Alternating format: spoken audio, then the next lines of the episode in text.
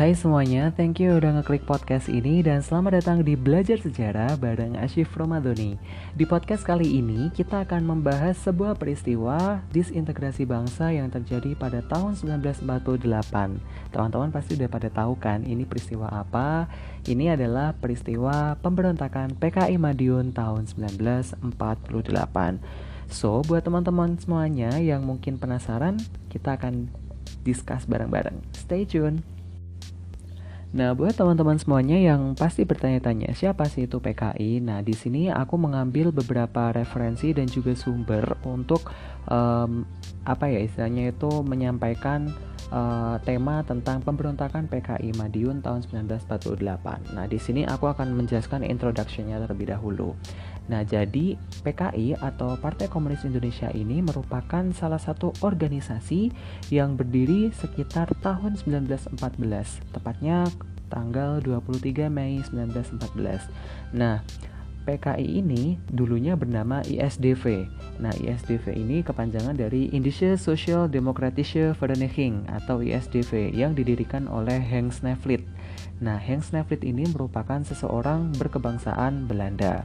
Nah, perlu teman-teman ketahui juga bahwa PKI ini merupakan salah satu organisasi yang ber, uh, yang apa ya istilahnya itu bergerak uh, pada masa bergerak pada masa pergerakan nasional. Lucu banget sih istilahnya. Maksudnya uh, dia merupakan sebuah organisasi yang sama-sama uh, ikut memperjuangkan kemerdekaan Republik Indonesia. Kita tahu bahwa uh, Partai Komunis Indonesia itu sendiri pada masa pergerakan nasional itu cukup uh, gerakannya itu sangat membuat pemerintah kolonial Hindia Belanda itu kewalahan gitu loh menghadapi uh, pemberontakan-pemberontakannya gitu kan. Nah, jadinya uh, PKI ini itu juga sama-sama ikut memperjuangkan kemerdekaan Republik Indonesia.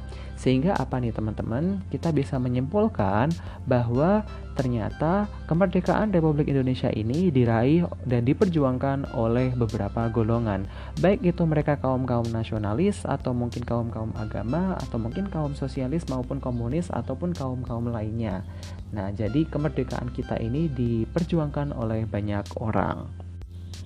Nah, udah tahu kan siapa itu PKI? Nah, awalnya emang pada masa-masa tahun 1945 sampai 1947 nih teman-teman PKI itu sangat pro terhadap seluruh kebijakan Republik Indonesia atau seluruh kebijakan pemerintah Indonesia pada saat itu. Terlebih lagi kita tahu bahwa awal-awal kemerdekaan sekitar tahun 1947 sampai eh sorry 1945 ya Allah ngantuk banget nih kayaknya 1945 sampai 1947 bahkan sampai ke 1949 ini kan kita tahu sendiri bahwa Indonesia lagi struggle banget nih memperjuangkan dan juga mempertahankan kemerdekaan Republik Indonesia. Kita tahu bahwa Belanda itu masih menginginkan kita itu kembali menjadi wilayah jajahannya Belanda. Nah, apalagi Belanda itu juga mainnya keroyokan gitu loh. Mereka tuh uh, ngajak Inggris, ngajak sekutunya kayak gitu. Untuk apa? Untuk uh, menyerang Indonesia biar Indonesia itu kembali menjadi wilayah jajahan Belanda kayak gitu.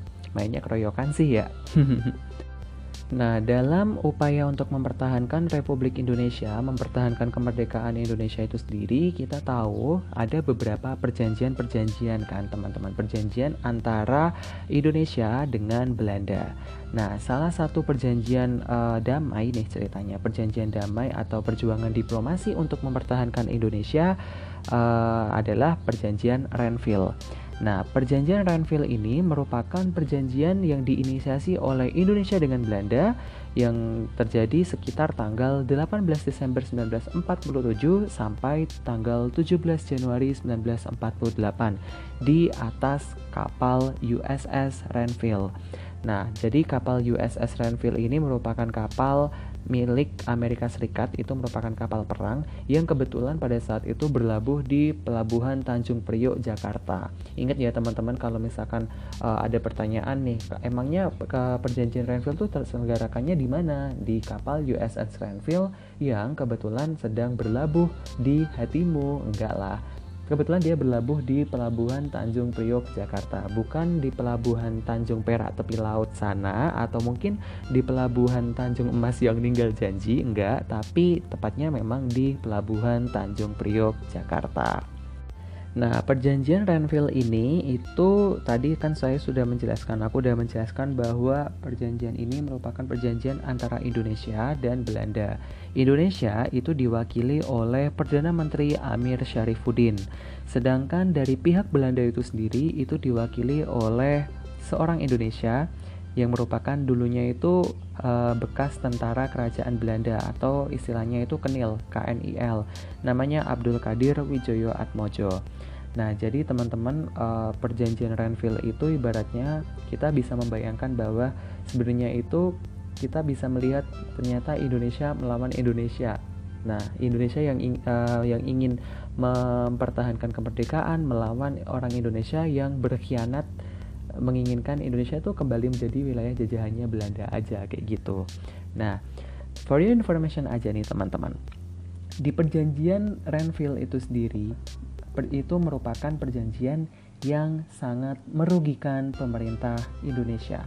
Kenapa demikian? Karena wilayah Indonesia itu sangat sempit banget nih teman-teman. Nah, impactnya apa gitu kan? Impactnya ya kita nggak punya wilayah, hampir nggak punya wilayah, dan juga uh, terjadi uh, chaos di mana-mana. Sehingga apa?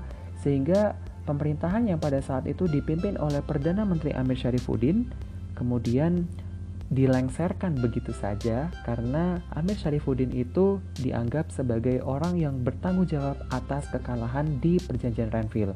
Amir Syarifuddin itu dihujat sana sini dicaci maki dia tidak bisa mempertahankan uh, wilayah Indonesia, dia tidak bisa mempertahankan uh, apa namanya kedaulatan kemerdekaan kita gitu loh. Jadinya ya Amir Syarifuddin dicopot jabatannya dan kabinetnya kemudian digantikan oleh Muhammad Hatta. Nah, rasanya pasti Amir Syarifuddin sangat sakit hati sih pada saat itu. Dia sangat sakit hati karena uh, dia pada saat itu kan juga berpikir bahwa saya sama-sama memperjuangkan Indonesia, memperjuangkan kemerdekaan Indonesia. Kenapa kok malah saya terkhianati oleh orang-orang kita sendiri seperti itu. Hmm, kayak lagunya cita-cita nih ya ceritanya. Yang sakitnya tuh di sini.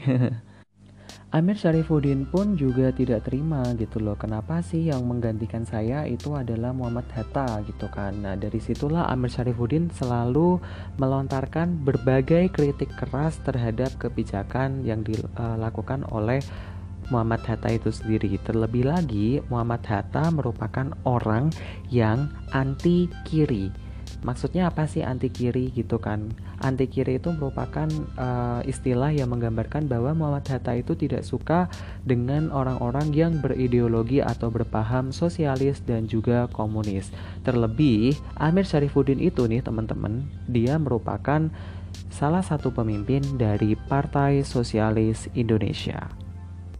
Nah, dari situ kan kita bisa melihat bahwa ternyata Amir Syarifuddin ini merasa tidak terima gitu loh. Dia disisihkan begitu saja gitu kan, tersisih gitu kan kayak lagunya Rita Sugiarto kayak gitu.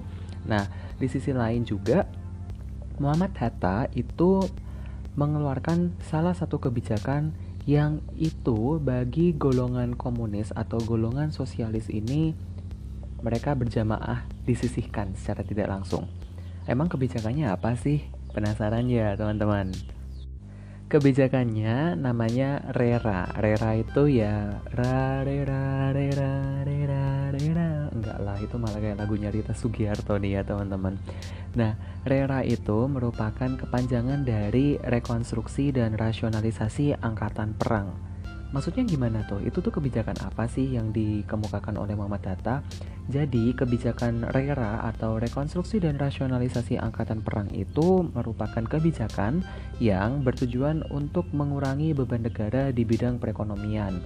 Nah, terutama uh, pada saat itu kan kita tahu sendiri bahwa Indonesia lagi gencar-gencarnya mempertahankan kemerdekaan. Keuangan negara pada saat itu sudah banyak terkuras habis untuk mempertahankan kemerdekaan. Kita tahu bahwa Belanda itu mainnya keroyokan gitu kan teman-teman. Nah di sini uh, uang kas kita itu habis untuk melawan Belanda aja. Padahal uh, keperluan kita dari pemerintahan keuangan kita itu kan bisa digunakan untuk beberapa uh, kegiatan lain gitu kan selain perang. Nah, di kebijakan RERA ini ternyata meliputi beberapa hal di antaranya ada penyempurnaan administrasi negara, lalu ada pembatasan atau mungkin pengurangan angkatan perang dan juga aparat ekonomi. Nah, di sini nih teman-teman, terutama di uh, pengurangan angkatan perang. Jadi, pengurangan angkatan perang pada kebijakan RERA itu sendiri yang awalnya tentaranya itu ada 1000 dikurangin menjadi 500. Nah, 500 yang sisanya apa? Gimana nih nasibnya gitu kan? 500 yang sisanya itu mereka dipecat. Mereka diberhentikan secara tidak langsung.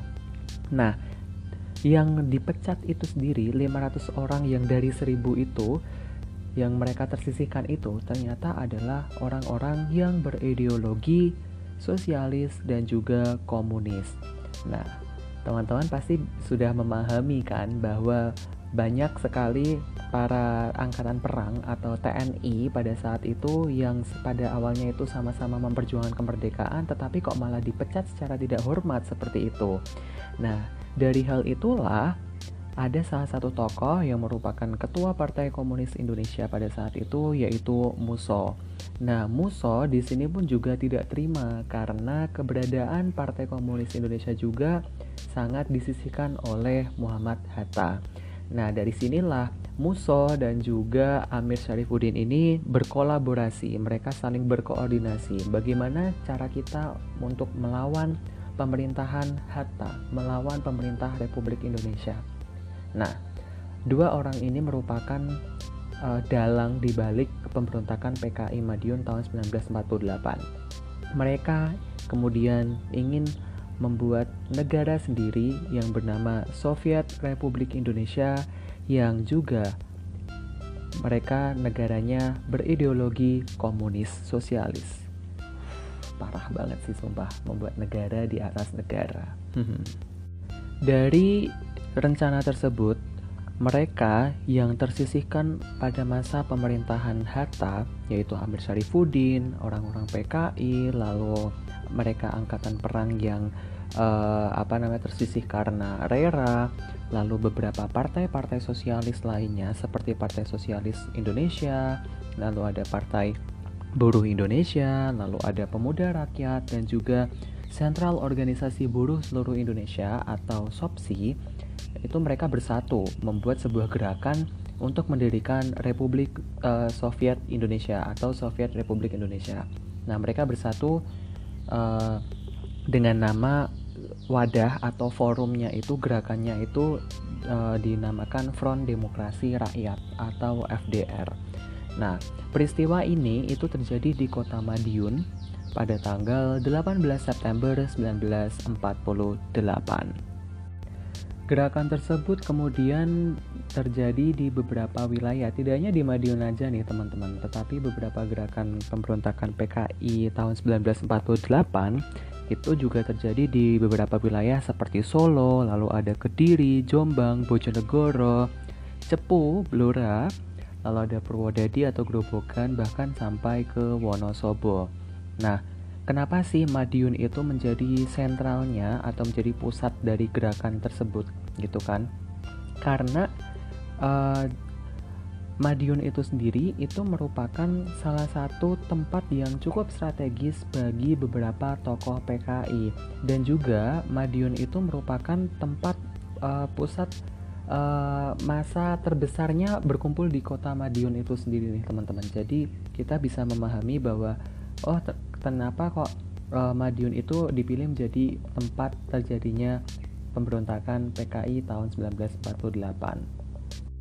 PKI pula melakukan beberapa upaya seperti penguasaan tempat atau penyadapan dan juga agitasi, demonstrasi serta aksi-aksi pengacauan lainnya. Bahkan yang lebih parah nih teman-teman, pada saat paginya, pagi uh, pada hari tanggal uh, tanggal pemberontakannya yaitu tanggal 18 September 1948 di subuhnya kita bisa membayangkan nih bahwa pondok pesantren yang ada di wilayah Jombang dan juga di wilayah Jawa Timur itu diserang oleh masa PKI.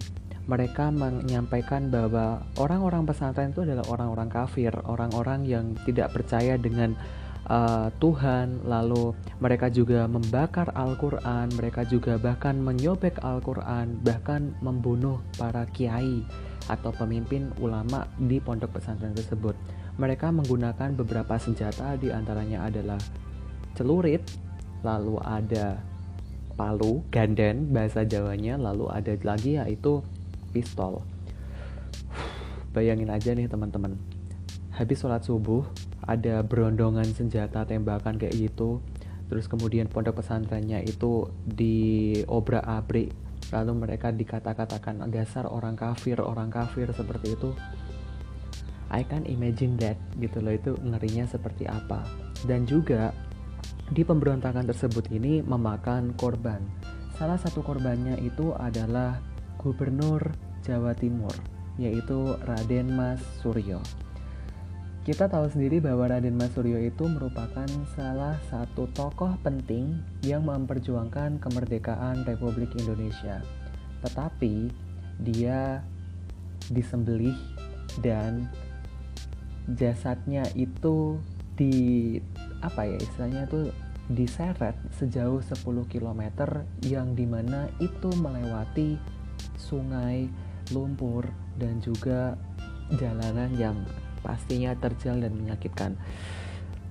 Ngeri banget sih teman-teman. Mungkin teman-teman bisa melihat uh, video dokumenternya itu. Itu termasuk juga include di uh, film yang dirilis oleh Yayang Cenor uh, Yayang Cenor dan juga Arifin Senor uh, itu merupakan film uh, pemberontakan G30S yang dirilis pada masa uh, Orde Baru Peristiwa tersebut juga berkembang di beberapa wilayah, di antaranya adalah Magetan, lalu juga sampai ke Ngawi juga teman-teman dan kita bisa membayangkan bahwa pemberontakan yang dilakukan oleh PKI itu sangat luar biasa pada saat itu. Bahkan setiap mereka bertemu dengan ulama, setiap mereka bertemu dengan orang-orang dari pemerintahan, wow, mereka langsung membunuhnya bahkan menyembelihnya tidak langsung. Kalaupun misalkan pada saat itu dia tidak mati saat itu juga tidak mati dia akan menyiksanya dan penyiksaannya itu sangat bertubi-tubi. Bahkan sampai diseret 10 km dengan melewati sungai dan juga melewati aduh itu betapa sakitnya itu kayak gimana sih? Dan mereka pun juga tetap meneriakkan Soviet Republik Indonesia Republik Soviet Indonesia Indonesia adalah negara bagian dari Uni Soviet seperti itu. Itu sangat kita bisa membayangkan bahwa peristiwa tersebut sangat luar biasa mencekamnya. Apakah kita mau hal itu terjadi lagi di tahun-tahun ini? Dan di sini yang nggak main-main itu adalah mereka menyeret eh, orang-orang uh, yang bagi mereka adalah musuh itu nyeretnya itu dengan tali tambang yang itu dikalungkan di leher. Kita bisa membayangkan ketika leher itu kayak dikalungin itu kan dikalungin apa namanya dikalungin tali kayak orang gantung diri itu kan udah kita sesek gak bisa nafas kan tapi itu diseret. Wow itu kayak nggak tahu sih apa yang dirasakan oleh uh, Raden Mas Suryo pada saat itu bagaimana begitu pula dengan anak buahnya. Sumpah sih itu sangat ngeri banget teman-teman. Bahkan uh, apa namanya beberapa keluarga ulama yang korban PKI 48 itu sendiri pun juga rasanya kayak sangat membenci uh, orang-orang PKI gitu loh. Kenapa? Karena satu gitu loh mereka mereka notabene-nya adalah orang-orang uh, tidak beragama karena komunis kan uh, orang-orang yang tidak percaya dengan uh, agama kayak gitu dia mereka tidak mengakui adanya agama tetapi malah mereka mengatakan kafir kepada orang yang memiliki agama yang notabene-nya adalah orang yang percaya dengan Tuhan seperti itu. Itu sangat gimana ya? Aduh it, it doesn't make sense gitu loh. I see the human but not humanity di sini teman-teman. Mungkin teman-teman bisa membayangkan gimana sih kalau itu terjadi di masa sekarang dan mungkin uh, itu terjadi di keluarga kita tuh kayak gimana gitu loh. Bahkan itu sangat ngeri banget sih teman-teman. Meskipun demikian kengeriannya tapi Gerakan tersebut tidak berlangsung sangat lama nih teman-teman. Gerakan tersebut paling bertahan sekitar uh, eh, 1 sampai 3 hari saja karena tentara pada saat itu TNI sangat bergerak cepat di bawah komando dari uh, Kolonel Sungkono yang kemudian diangkat menjadi gubernur gubernur militer Jawa Timur, mereka kemudian menunjuk uh, Kolonel Abdul Haris Nasution atau uh, AH Nasution untuk menumpas gerakan tersebut. Uh, sampai-sampai di Madiun itu dilakukan penyisiran secara total gitu kan dan uh, penyisirannya itu dilakukan sangat lama nih teman-teman. Karena beberapa uh, apa namanya beberapa pelakunya pelaku pelaku apa relawannya nih yang ikut dalam ke uh, apa namanya uh, gerakan tersebut itu satu persatu udah ditemukan suatu persatu sudah ditangkap tapi mereka belum menangkap uh, apa namanya otaknya atau dalangnya nah kebetulan ini dalangnya adalah Amir Syarifuddin dan juga Muso. Nah, for your information aja nih teman-teman, bahwa perlu kalian ketahui bagaimana sih akhir dari pemberontakan PKI 48 di Madiun. Nah, akhir ceritanya sangat tragis banget sih. Setragis kisah cintamu dengan dia mungkin ya teman-teman. Tapi aku yakin uh, pasti kisah cintanya teman-teman pasti akan fine fine aja gitu kan bak Cinderella gitu kan enggak lah atau mungkin kayak uh, Boys Before Flower kali ya kayak gitu atau mungkin Dots atau apa gitu ya ya apalah apalah itu nah cuman uh, akhir dari pemberontakan PKI Madiun ini di mana TNI pada saat itu berhasil uh, melakukan sterilisasi di Madiun dan juga di beberapa wilayah di Jawa Timur. Nah, pada akhirnya beberapa wilayah tersebut berhasil dikuasai oleh TNI, tetapi Muso dan juga Amir Syarifuddin itu kemudian melarikan diri. Nah, pada pelariannya nih teman-teman, Muso itu melarikan diri di wilayah Sumoroto. Sumoroto itu di uh, di Ponorogo. Nah, kota Reok tuh teman-teman. Nah, di Sumoroto itulah ketika Muso itu sedang uh, berlari gitu kan, ibaratkan melarikan diri, dia ber, uh, eh, TNI berhasil menembak mati Muso dan secara tidak langsung salah satu otak atau dalang dari pemberontakan PKI Madiun tahun 1948 itu sudah meninggal, mati, duar, tewas. Kejam banget nih ketawa gitu kan. Tapi di sisi lain, gimana nih dengan Amir Syarifuddin? Amir Syarifuddin ini berhasil melarikan diri dari kejaran TNI gitu loh. Sebenarnya uh, beberapa sumber ada yang menyatakan bahwa pada saat itu Amir Syarifuddin dan juga Muso itu uh, melarikan diri bersama-sama. Tetapi ada beberapa referensi yang menyatakan bahwa Amir Syarifuddin dan Muso itu uh, tidak melaku, tidak berlari atau tidak bersama melakukan pelarian kayak gitu.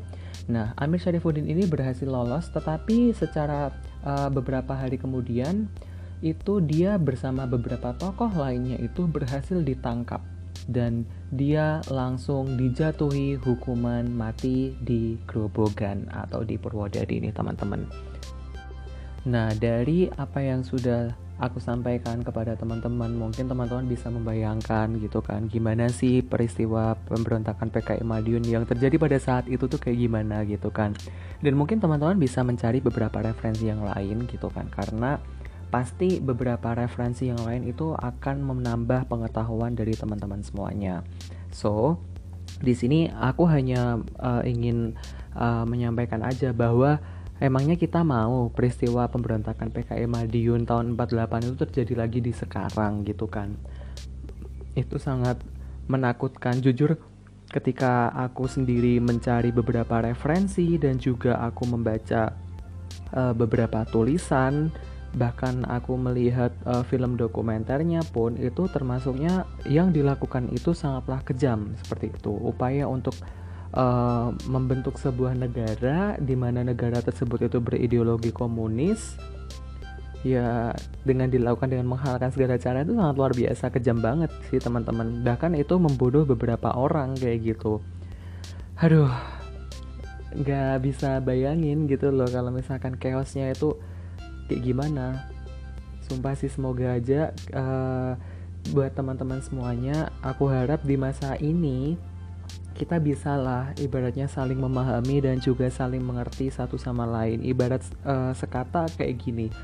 Um, misalnya kalaupun kita sedang menghadapi sebuah perbedaan di dalam rapat gitu kan di dalam sebuah forum atau organisasi berbeda pendapat itu is okay gitu loh. Kita beda pendapat itu ya udah gitu loh. Ya tapi rata-rata orang yang berbeda pendapat itu tidak mendapat atau tidak uh, tidak apa ya ibarat mereka tuh tidak debat masalah pendapatnya tetapi malah mereka mendebat orangnya kayak gitu loh. Nah di sini kita bisa melihat bahwa yang namanya uh, perbedaan uh, terutama prinsip dari Amir Syarifuddin dan juga prinsipnya Muhammad Hatta itu kan prinsip yang sangat berbeda nih teman-teman. Mereka kan bisa paling tidak mengkomunikasikan itu agar uh, menjadi hal yang uh, tidak merugikan banyak orang, tetapi mereka malah dengan ego masing-masing itu malah merugikan banyak orang seperti itu. Nah, mungkin di sini harapan aku buat teman-teman semuanya, ayolah kita kalau misalkan sedang berdebat, kita debatnya adalah debatlah argumentasinya, bukan debat orangnya. Kalaupun misalnya debat itu pada masalah argumentasi saja, nggak masalah, jangan dibawa ke hati. Itu adalah pesan aku kepada teman-teman semuanya. Thank you udah dengerin podcast ini dan kita sampai bertemu di episode selanjutnya. Bye bye. Thank you.